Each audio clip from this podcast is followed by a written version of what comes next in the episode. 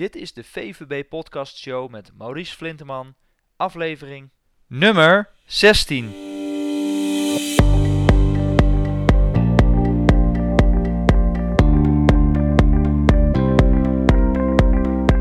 Welkom bij de VVB Podcast Show, waarin je luistert naar experts die je voorzien van de beste informatie, tips en tricks om het rendement op je vermogen te optimaliseren. Vandaag gaan we in gesprek met Ben Grangier. Ben is binnen Morningstar Benelux verantwoordelijk voor België en partner van het Global Behavioral Research Team.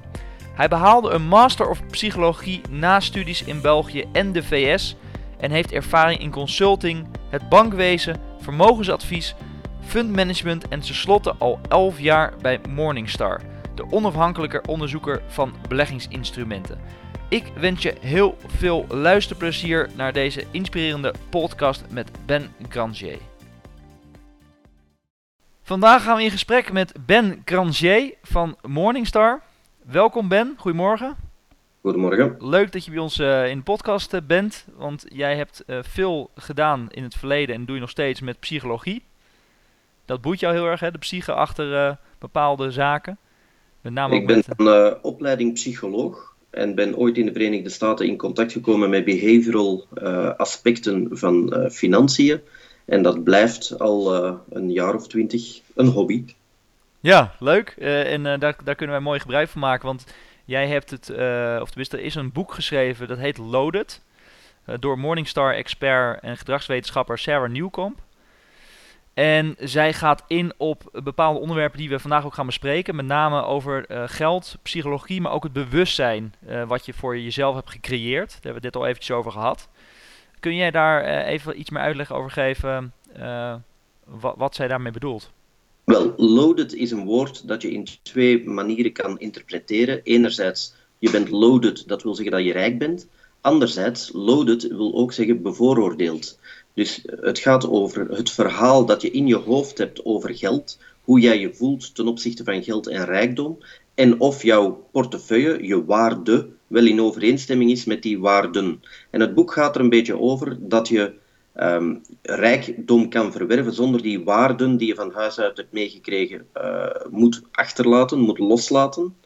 Of anderzijds, hoe je ervoor kan zorgen dat die twee met elkaar in overeenstemming zijn. Geld maakt niet gelukkig, maar geld maakt ook niet ongelukkig. Dus welke waarde hecht jij aan dat geld en hoe kan je een gezonde relatie daarmee opbouwen?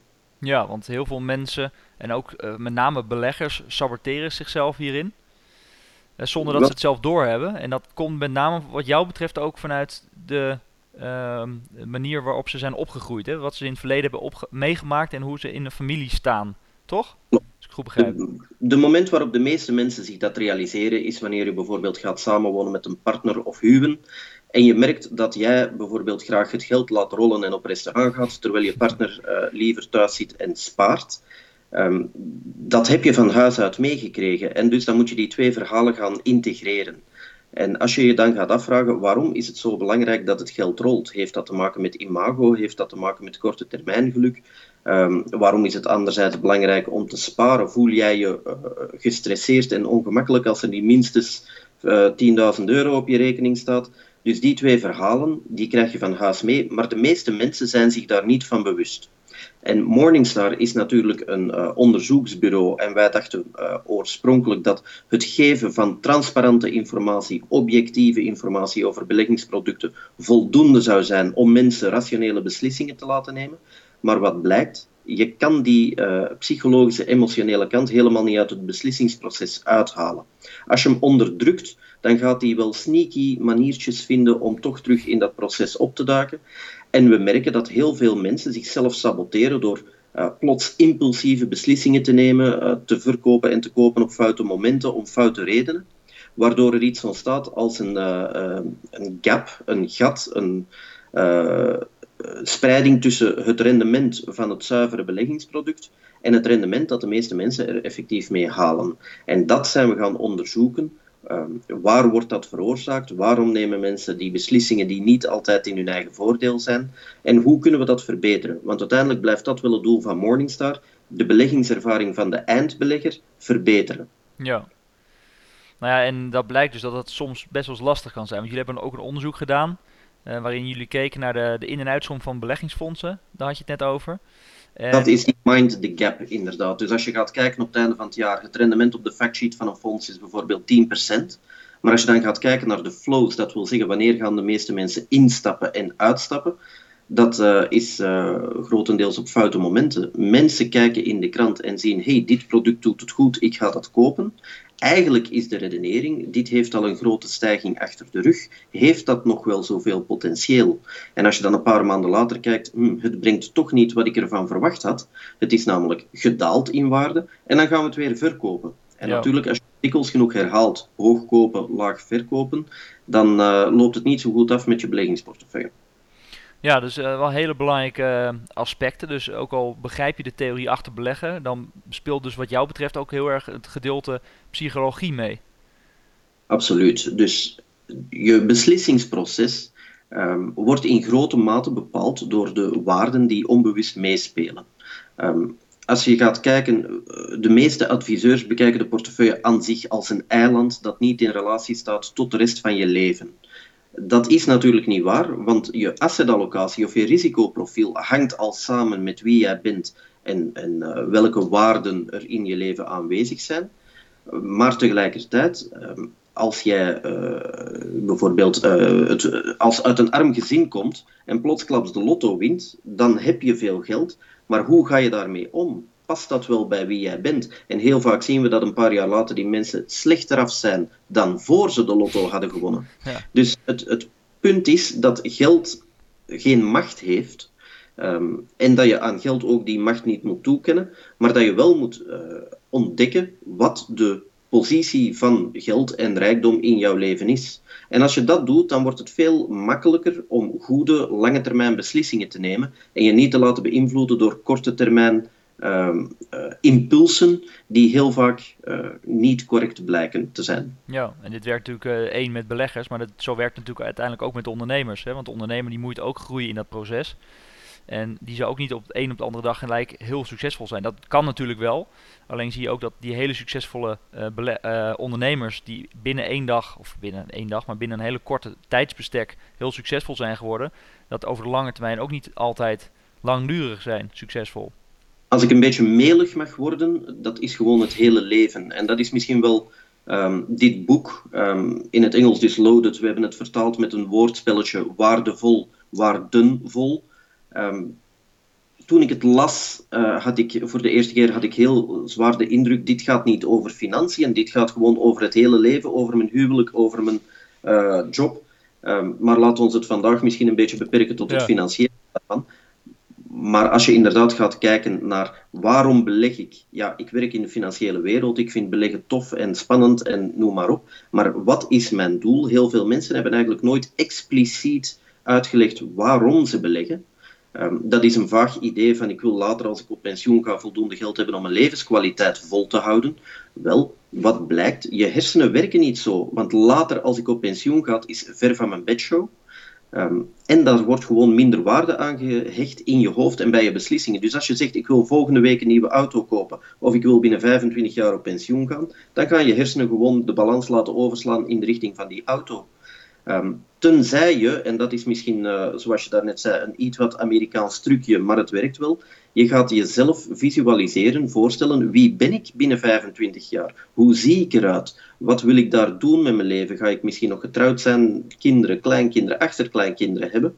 Hoe gedetailleerder je beeld van jezelf is binnen 25 jaar, hoe meer je hersenen daar toch weer waarde aan gaan hechten, waardoor de balans terug in evenwicht komt en je beslissingen misschien een beetje rationeler zijn. En ik gebruik dat woord hier misschien foutief, want het is nooit zuiver rationeel, het is ook nooit zuiver emotioneel. Maar als je denkt de emotie, de psychologie volledig uit je beslissingsproces te kunnen uithalen, dan vergis je je en dat gaat op de een of andere manier toch terug zijn weg vinden in je beslissingsproces. Ja, dus het boek geeft daar uh, heel veel uh, ondersteuning aan, want daar wordt ook gezegd de belangrijkste asset die je hebt, dat ben je uiteindelijk zelf. En dat is natuurlijk logisch, want jij neemt uiteindelijk de beslissingen natuurlijk met je vermogen, met je beleggingen, met hetgeen wat je, waar, je naartoe wilt gaan.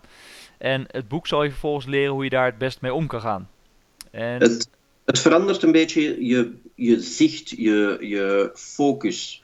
Ehm, als je dus inderdaad naar een, een beleggingsadviseur of als je dat zelf doet, een zuivere uh, plan opmaakt, dan heb je vaak alleen de aspecten inkomen en uitgaven. Wat blijft er over, dat kan ik sparen. Wat we hier leren is, als je dat wat breder trekt en eerst gaat inschatten, wat zijn je assets? En assets zijn alle dingen die jouw inkomen kunnen opleveren. Um, en bijvoorbeeld je zelfbeeld daarvan is voor heel veel mensen hangt dat gewoon samen met je job. Ik ben een beleggingsadviseur. Wel, nee, je assets zijn, je hebt een goede opleiding, je bent een beetje dynamische persoonlijkheid, je kan goed met mensen praten, je kan heel goed met mensen luisteren. Dat zijn je assets. Als je morgen jouw job kwijtgeraakt, dan heb je nog altijd die assets die je op een andere manier te gelden zou kunnen maken. Aan de andere kant heb je de uitgavenkant. Waarom spendeer ik de helft van mijn inkomen aan, aan uh, restaurants of kleding of wat het ook mag zijn? Waarom doe ik dat? Is imago werkelijk zo belangrijk voor mij? Of voel ik mij min of meer verplicht om daar geld aan uit te geven? Dus je gaat veel meer kijken in plaats van louter het financiële plaatje, naar wie ben ik en wat wil ik bereiken. En door dat proces open te trekken, krijgt je portefeuille ook wel een andere invulling.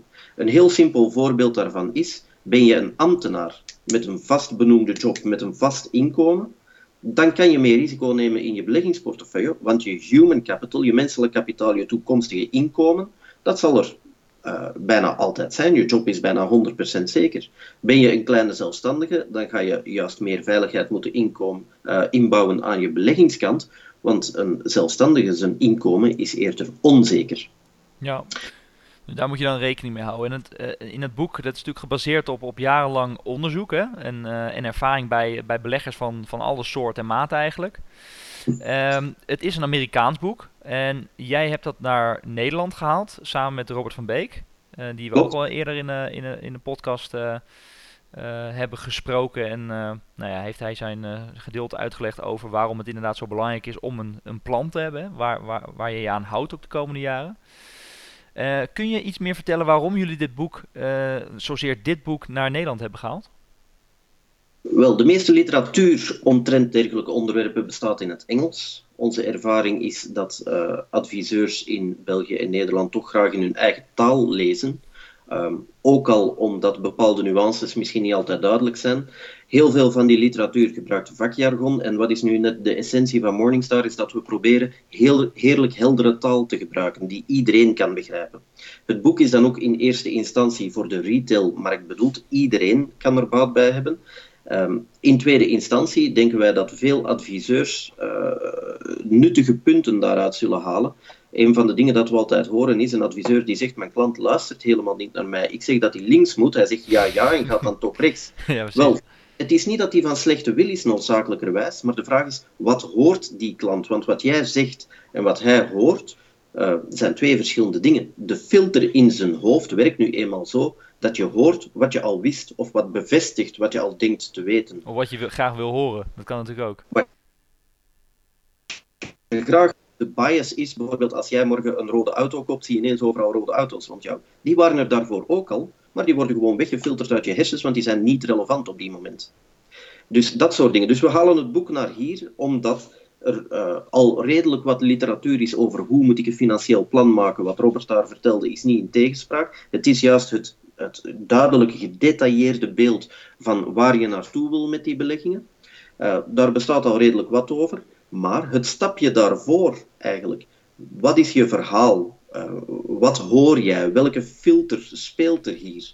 En als je dat een beetje in kaart kan brengen bij jezelf of bij je klanten, dan uh, hopen wij in elk geval, en dan lijkt er toch uit het onderzoek ook uh, uit te komen, dat je betere resultaten gaat boeken of dat je minder impulsieve of minder uh, slechte timing beslissingen gaat nemen. En dat je in elk geval bewuster omgaat met je doelstelling en je portefeuille in functie van wie je bent en welke waarde, waarden je hebt. Ja, dus welke waarde je hebt daarin. Je, je viel even weg, dus uh, daar verhaal ik even wat je, wat je zei. Um, dus ja, eh, als ik het goed begrijp, je hebt het beleggingsplan. En het beleggingsplan is heel erg van oké, ik stuur je daar naartoe en uh, je gaat invullen uh, hoe je daar gaat komen. Maar dit boek geeft eigenlijk meer aan van waarom wil je daar komen. Inderdaad. En wat ben je bereid om ervoor te doen? Of wat ben je bereid om ervoor op te geven? Ehm, als voor jou een heel belangrijke waarde is hip en cool zijn, dan gaan wij zeker niet zeggen je mag nooit meer uh, derivaten of turbo's of wat het ook is gaan kopen. Want als dat is wat jij belangrijk vindt, dan moet je daar vooral in verder gaan. Maar als hip en cool zijn wil zeggen dat je voldoende geld hebt en je verliest al drie jaar op rij uh, al je geld aan die derivaten omdat je er niet zo goed in bent, dan zou je kunnen overwegen om daar toch een, een uh, wijziging van aanpak te maken. Ja, interessant. En uh, wat, wat, is eigenlijk de reden dat Morningstar hier heel veel aandacht aan besteedt, aan dat behavioral aspect van, van een belegger? Wel, um, veel mensen zien Morningstar als het ratingbureau met die sterretjes. En dat wil eigenlijk zeggen dat wij het beste product zoeken in zijn categorie vijf sterren of een gouden medaille of uh, in de zin van sustainability uh, vijf uh, wereldbolletjes. Dat wil allemaal zeggen, binnen deze beleggingscategorie is dat het beste product. Ja. Maar dat heeft een tekortkoming, namelijk het beste product ter wereld is niet noodzakelijk het beste product voor u. Dus dat stuk van het verhaal is moeilijk aan, uh, door Morningstar in te vullen, want ik ken u niet, wij weten niet wie u bent. Dus zeggen we, um, de eerste stap is altijd ken jezelf tweede stap is bepaal je profiel, bepaal wat die portefeuille voor jou moet gaan opbrengen binnen jouw leven. En eigenlijk is stap drie pas, hoe ga ik nu die assetallocatie invullen? En daar komt natuurlijk de Morningstar website en die tools bij terecht om te zeggen, als ik dan toch vak A moet invullen, dan wil ik graag uit de categorie van vak A de best mogelijke speler. Nu, een hele portefeuille opbouwen, zuiver met de best mogelijke producten, is niet altijd de beste manier, want al die producten staan ook weer in relatie tot elkaar. En daar gebruiken we vaak een voetbalanalogie. Je kan uh, een ploeg opbouwen zoals uh, Real Madrid. Je koopt alle sterren ter wereld en dat kan een goede ploeg zijn. Uh, ze hebben alles gewonnen wat er te winnen valt. Dus ja, dat lukt soms. Aan de andere kant heb je Barcelona die één of twee sterspelers hebben en daaromheen een aantal uh, gewone jongens die boven zichzelf uitstijgen. En dat kan ook. Ja. Dus de vraag is maar, dat sterrenteam van Real Madrid kost mij een hoop geld. Terwijl dat Barcelona een beetje goedkoper even goede resultaten heeft gehaald. En daar zegt Morningstar, Um, de kosten die je betaalt voor zo'n beheer zijn een heel goede uh, predictor van toekomstig rendement. Dat wil zeggen, als je de kosten laag kan houden, heb je op lange termijn veel meer waarschijnlijkheid op een heel mooi rendement. Dus het opbouwen van die portefeuille, moet je dat in actief beheer doen, moet je dat in passief beheer doen, moet je dat met verzekeringsproducten doen. Alles hangt af van de doelstelling van het geheel van je portefeuille. En het moeten niet allemaal vijf sterrenfondsen zijn. Dat krijg je vaak van een adviseur. Jammer, uh, uh, de klant komt alleen maar bij mij omdat hij in de krant heeft gezien dat dat vijf sterren heeft. Dan zeg ik ja, dat is op zich een goed product. Maar ook daar is de vraag, wat is de rol van dat ding binnen je portefeuille? En dan kom je weer bij dat psychologische stukje. Kijk je enkel naar rendement, dan heb je fondsen, uh, er heet iets het, het Sin Fund, dat alleen maar belegt in wapens en, en tabak en kinderarbeid en Joost mag weer wat. Zoek je rendement? Wel, je vindt daar wel rendement. Maar voel je je wel goed bij de idee dat je belegt in dat soort dingen? Dat is een heel belangrijke, want als je je daar niet goed bij voelt, dan is de rijkdom die je daarmee vergaart misschien in jouw ogen niet evenveel waard en ga je hem ook makkelijker weer uitgeven. Vandaar die sustainability rating speelt ook in op dat psychologische aspect. Hoe belangrijk vind jij duurzaamheid? En vind jij dat rijkdom alleen maar waarde heeft als je kinderen er ook nog van kunnen genieten? Ja, dan krijgt dat een veel belangrijker aspect. En in het verleden dacht men vaak van ja, maar ik moet kiezen tussen rendement of duurzaamheid. Hoe langer hoe meer zien we dat dat eigenlijk helemaal niet waar is. Duurzaamheid hoeft geen rendement te kosten, maar het verandert wel een beetje je beleggingsbenadering. Duurzame beleggingen zijn vaak een beetje meer value gericht en minder groeigericht. Um, als dat belangrijk voor je is, wel value beleggers, uh, met als uh, bekendste voorbeeld Warren Buffett. Um, je kan hen moeilijk beschuldigen dat ze geen rendement halen. Ja, nee, dat klopt absoluut. Um, uh, dus ja, daarin moet je dus heel goed kijken hoe je dat wilt, wilt gaan invullen. Want even een zijtakken, want je gaf net aan, kosten zijn heel erg belangrijk. Hè? Kosten laag houden is heel erg belangrijk bij beleggen. Alleen daar heb je natuurlijk, oh, dat is ook een beetje tegenstrijdig voor de, voor de particuliere belegger. Omdat op het moment dat hij het zelf gaat doen, uh, zie je dat ze eh, qua uh, re resultaat heel erg achterblijven. Omdat de emotie meespeelt, omdat ze zelf vaak gaan handelen, et cetera, et cetera. Aan de andere kant, als jij een adviseur in handen neemt, kost dat je ook weer geld. Dus hoe, hoe kun je daarin dan de juiste balans vinden? Wel, ehm, een ander onderzoek van Morningstar uh, gaat naar wat is de werkelijke waarde, het rendement dat goed advies aan je portefeuille toevoegt.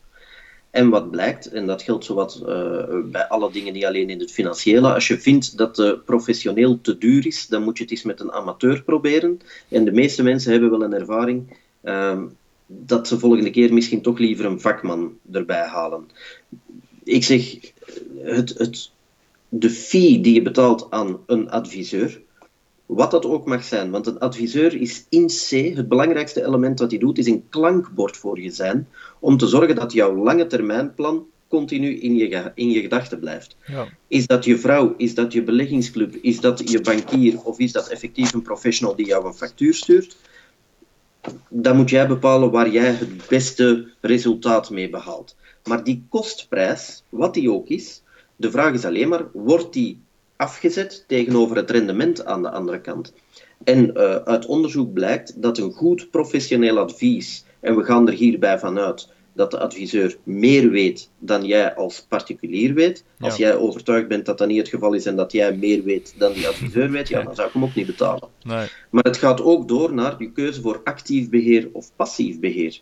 Passief beheer is over het algemeen goedkoper, dus op lange termijn is de kans dat een passief instrument zijn benchmark verslaat groter dan een actief instrument. Maar een actief beheerd fonds kan op korte termijn misschien weer betere resultaten halen. Dus de vraag is wanneer moet ik mijn geld in welke assetklasse steken of aan welke adviseur of manager meegeven. En dat zijn keuzes waaruit blijkt dat over het algemeen de particuliere belegger niet altijd de, de juiste beslissingen neemt of niet over de juiste informatie beschikt.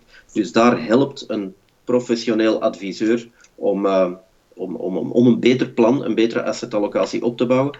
Misschien is dat zijn geld wel waard.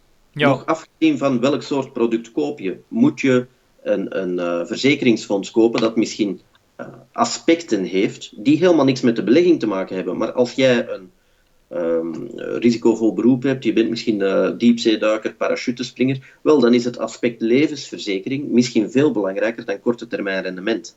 En dat zijn allemaal aspecten waar de professional jou moet bij helpen. Heb je een beleggingsverzekering? Heb je een, is je hypotheek misschien je belangrijkste belegging? Uh, heb je kinderen? Ben je van plan kinderen te krijgen? Dat zijn allemaal elementen die opnieuw niet zuiver met de belegging te maken hebben, maar die wel in jouw hoofd, in jouw waardenstelsel, absoluut niet verwaarloosd mogen worden. Ja, dan heb je het weer over het totaalplaatje eigenlijk. We vallen in herhaling. Ja, gaan, we, gaan we door het volgende.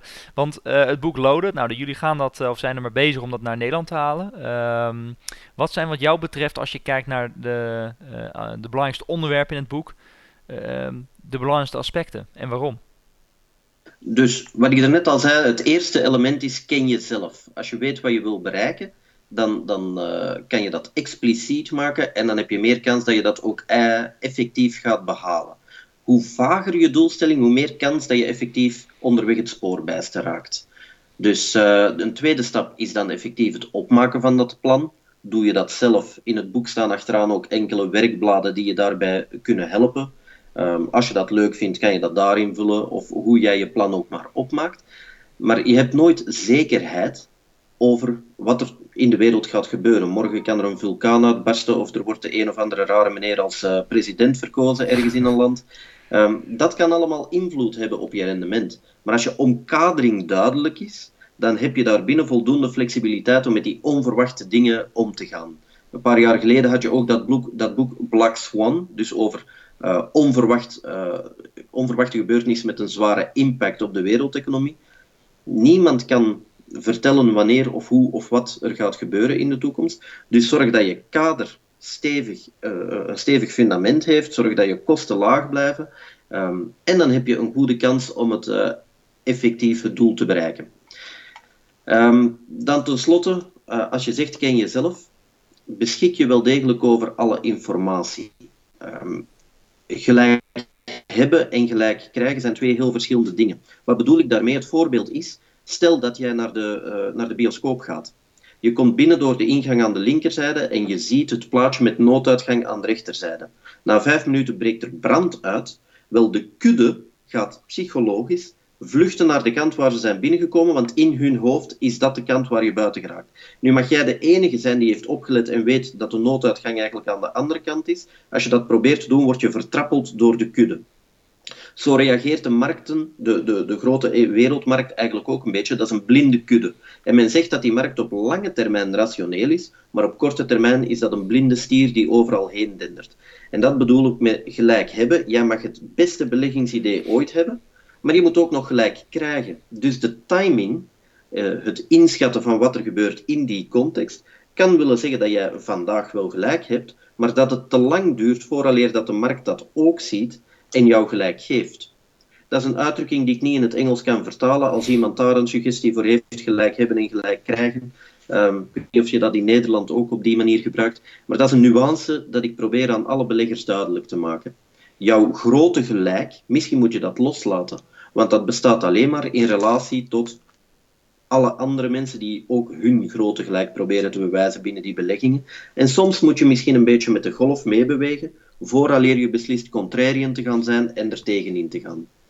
Um, en dan tenslotte, ja, een spiegel, een klankbord, iets of iemand die jou helpt het uh, lange termijnbeeld goed in focus te houden. Misschien heb je een heel goede relatie met je beste vriend en kan je zeggen: uh, Als ik onnozele dingen begin te doen, hou mij dan tegen. Over het algemeen is een uh, objectief buitenstaander iets beter geplaatst om te zien wanneer je van het spoor geraakt. Ja, en dat sluit eigenlijk ook wel een beetje aan op uh, de vraag die we altijd stellen: wat zijn de drie belangrijkste basisregels bij beleggen om je vermogen succesvol te laten renderen? Nou, die heb je dan al redelijk benoemd, denk ik. Ken jezelf, maak een plan, hou je aan dat plan. Ja. Wij zeggen altijd, beleggen is eenvoudig, maar het is niet simpel. En daarmee bedoelen we, aan zich is beleggen niet zo heel moeilijk. Maar je psychologie zorgt ervoor dat je regelmatig wordt afgeleid en dat andere dingen beginnen te spelen en dat je van dat plan afwijkt. Um, ja. Als je dat kan vermijden, uh, of op zijn minst, misschien moet ik het anders zeggen, want inderdaad, beleggen is leuk en spannend, Misschien moet je een groot stuk van je portefeuille, een core portfolio, een kernportefeuille, effectief saai en passief houden. En je dan gaan uh, amuseren met een klein stukje. En als je dat kleine stukje verliest, uh, dat is uh, de, de, het eerste advies wat ik ooit kreeg. Beleggen doe je met geld dat je niet nodig hebt. Want als je het morgen kwijt bent, moet je niet komen huilen. Ja. Beleggen is in C risico nemen en een beloning ontvangen voor dat risico. Dus daar zit een beetje ehm, de, de, de kern van het verhaal. Hoeveel risico ben je bereid te nemen? En welke waarden wil je in die portefeuille inbouwen? En wat ben je eventueel bereid om te laten vallen in functie van rendement? Dat, dat is een beetje het hele spel. Ja. En nog even de laatste vraag over het boek. Uh, uh, want, uh, Ben, want uh, het boek gaat in op persoonlijke ervaringen. hoe die, je financiële houding eigenlijk verandert. Ja. Kun, kun je daar nog wat voorbeelden over noemen uh, of van noemen in de praktijk?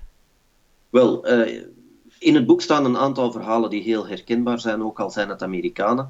Maar in ons eerdere uh, gesprek heb ik ook aangegeven, persoonlijke ervaring helpt misschien om dat duidelijk te maken.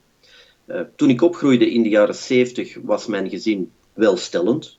Wij hebben nooit geldproblemen gehad. Het geld mocht rollen, inderdaad. Um, op een gegeven moment is er een faillissement gekomen. Uh, en daarna was geld wel een issue. Dus ik heb de twee kanten van de medaille een beetje gezien. En aan zich is dat niet slecht in, in terugblik, want uh, de vriendjes die ik had toen ik jonger was, die hebben eigenlijk op een heel andere manier met geld leren omgaan. Die hebben nooit de waarde van geld geleerd. Als je rijk bent, is het niet zozeer geld dat waarde heeft, maar zijn er andere aspecten zoals vrije tijd of hoeveel golf je kan spelen, wat veel belangrijker lijkt. In de tweede fase, in de jaren 80 na het faillissement, uh, was het effectief uitkijken en was er niet voldoende geld. En leer je ook de andere kant van de medaille kennen, namelijk ik voel me niet veilig als er niet op zijn minst zoveel reserve is. Dus daar leer je heel duidelijk inschatten. Um, het hebben van geld maakt je niet gelukkig of ongelukkig. Het is de context van je leven uh, die, die bepaalt hoe jij je daarbij voelt. Um, maar de stress die het hebben van te veel geld of het hebben van te weinig geld met zich meebrengt, heeft zo'n impact op mensen hun leven, dat we denken dat je, je financiële plan effectief in lijn moet zijn met wat jij belangrijk vindt in je leven. Ik heb daar uh, onder meer gezien dat het hebben van geen geld je ook niet ongelukkig maakt. We hebben prachtige jaren gehad met ons gezin, terwijl we met vijven in een heel klein appartementje woonden. We hebben prachtige jaren gehad met het gezin, terwijl we met vijven woonden in een huis waar je met 25 in had kunnen wonen. Dus de twee zijn mogelijk. Ja. Um, maar je moet inderdaad je mindset aanpassen en het is vaak de overgang die moeilijk is. Um, jouw rol in je gezin, jouw rol in je vriendenkring, jouw rol in de samenleving, uh, die het moeilijk maakt. Ik ben naar de Verenigde Staten gaan studeren en daar dus uh, in contact gekomen met behavioral research. Um, ik vond dat fantastisch om te zien als ik een paar, jaar, een paar jaren later thuis kwam, dat uh, in mijn ogen dezelfde mensen in hetzelfde café, aan dezelfde bar, hetzelfde gesprek aan het voeren waren. Er was precies niks veranderd. Ja. Maar mijn rol, mijn functie binnen die omgeving, die was veranderd. En dat is vaak het moment waarop je in conflict komt en waar je de, de uh, nieuwe verhalen moet gaan integreren in die context. Dus als jij uh, een beleggingsportefeuille opbouwt, dan is daar ook weer die vraag. Uh, als ik, stel dat ik morgen de, de geweldigste belegging van mijn leven doe en mijn geld verdubbel, verandert dat wie ik ben? Aan zich hoeft dat niet. Nee. Bij veel mensen zie je dat wel. En jij bent natuurlijk psycholoog. Um, stel dat iemand zich hierin herkent, hè, of die, zit, die is dus heel rijk geweest, of die heeft zeg maar de, de andere kant van de medaille niet gezien. Laten we daarop houden. Mm -hmm. wat, zijn, wat zou dan jouw advies zijn om niet in die valkuil te trappen? Of om uh, je moet het gesprek aangaan, en dit klinkt ook weer te psycho-plaatje, maar met jezelf. En dat is moeilijk, daarom kan je beter het gesprek aangaan met iemand anders. Uh, om te gaan nadenken van uh, wie ben ik, wat wil ik, hoe doe ik dat, wat zijn mijn sterke punten, mijn assets en wat kan ik daarmee. Um, het, het, uh, een van mijn vriendjes van toen ik jong was had zoveel geld dat hij nooit heeft moeten nadenken over dat soort vragen, totdat op een gegeven moment zijn ouders zeiden van nu is het genoeg, maak je eigen weg. Je ziet vaak, uh, het, het cliché zegt dat de derde generatie het geld verliest. De eerste generatie maakt het, maakt de rijkdom, de tweede generatie beheert de rijkdom, de derde generatie verliest die rijkdom. Hoe komt dat? Omdat die derde generatie vaak wordt opgevoed op een manier die hun een heel ander uitzicht uh, geeft op rijkdom. Er is een grapje daaromtrent. Je zit in een restaurant in New York en um, Bill Gates zit daar en een beetje verder zit zijn dochter ook te eten. En de kelner die gaat uh, afrekenen bij Bill Gates en die krijgt daar een fooi van, uh, ik zeg maar iets, 5 dollar. En dan gaat hij afrekenen aan de tafel van de dochter en hij krijgt een fooi van 5000 dollar. En dan gaat terug naar Bill en zegt: hey, man, jouw dochter geeft wel 5000 dollar fooi. Ja, zegt ze, maar zij is de dochter van de rijkste man ter wereld en ik ben de zoon van een, uh, van een uh, schuimwerker. Ja. Dus je bent gewoon anders opgevoed. Hij gaat anders om met geld. Het is niet omdat hij ineens uh, miljonair is dat hij zijn waarden, hij is opgegroeid in een huis waar eerlijk werk en, en, en geld belangrijk was. Terwijl zijn dochter, pff, wat is geld, 5000 meer of minder, daar liggen we niet van wakker. Ja. Dus dat soort dingen, um, dat zijn de verhalen waarmee je mensen kan gaan duidelijk maken. Vertel eens, hoe was het vroeger bij je thuis? Hoe waren je, je eerste ervaringen samen met je vrouw? Uh, hoe zie jij jezelf binnen vijf jaar? En daar ga je uit horen welke waarden hij belangrijk vindt. En in functie daarvan uh, ga je je portefeuille of je financiële plan opbouwen. En dan uh, kan er nog altijd uh, vulkanen uitbarsten en verkiezingen mislopen. Dus de wereld is onzeker, daar ga je mee moeten leren leven. Ja. Maar je bouwt de zekerheid in die je nodig hebt om gelukkig te zijn. Ja, interessant. Wel heel, heel mooi samengevat. En jij zit natuurlijk, ben, jij bent natuurlijk al een tijdje, zit jij in deze financiële wereld. jij bent natuurlijk veel in psychologie geweest, geweest maar ook heb je zelf veel belegd. Wat is jouw belangrijkste levensles die je hebt gekregen tijdens jouw werkzame leven, die jouw uh, leven volledig op zijn kop heeft gezet? Het loslaten. De, de, in Amerika had je geleerd no remorse en no regret. Je maakt beslissingen en uh, de wijze levensles was, je verliest nooit, je wint of je leert. En ik, ik weet wel hoe dat klinkt, het is typisch Amerikaans, maar je doet een belegging. Er zijn erbij die, die geweldig succesvol zijn geweest en die onthoud ik eigenlijk niet, raar maar waar. Er zijn erbij die gigantische mislukkingen zijn geweest. En die lijken in mijn hoofd veel belangrijker. En dat is ook een van de dingen dat ik bij Morningstar geleerd heb.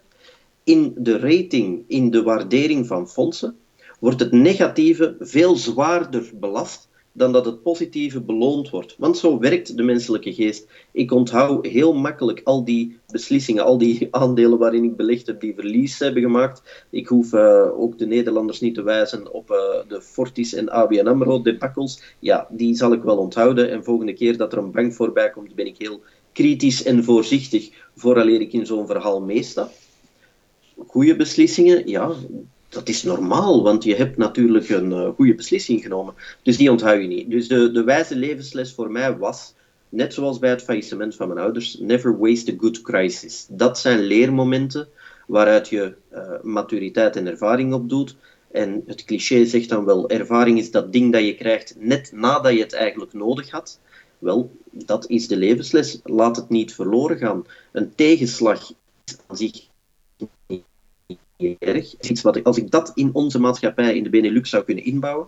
In Amerika mag je acht keer failliet gaan. Als de negende keer een succes is, ben je een held. Als je in België of Nederland één keer op je bek gaat, dan is het gedaan. Dan ben je de rest van je leven die loser. Wel, probeer daar vanaf te stappen. Dat is een idee in je eigen hoofd. Als je dat kan loslaten, dan heb je gewoon, je staat recht, je neemt een nieuwe kans. Dat de maatschappij rondom jou misschien zegt, hey, ik ga, je moet nooit meer beleggen, want we hebben toen met ABN AMRO allemaal onze centen verloren. Ja, dat is zo, we hebben daarvan geleerd. Maar ik besluit voor mij dat ik toch opnieuw um, ga meespelen in, in het uh, kapitalistische plan uh, en proberen inderdaad ergens mijn geld zijn waarde te laten behouden. Ja.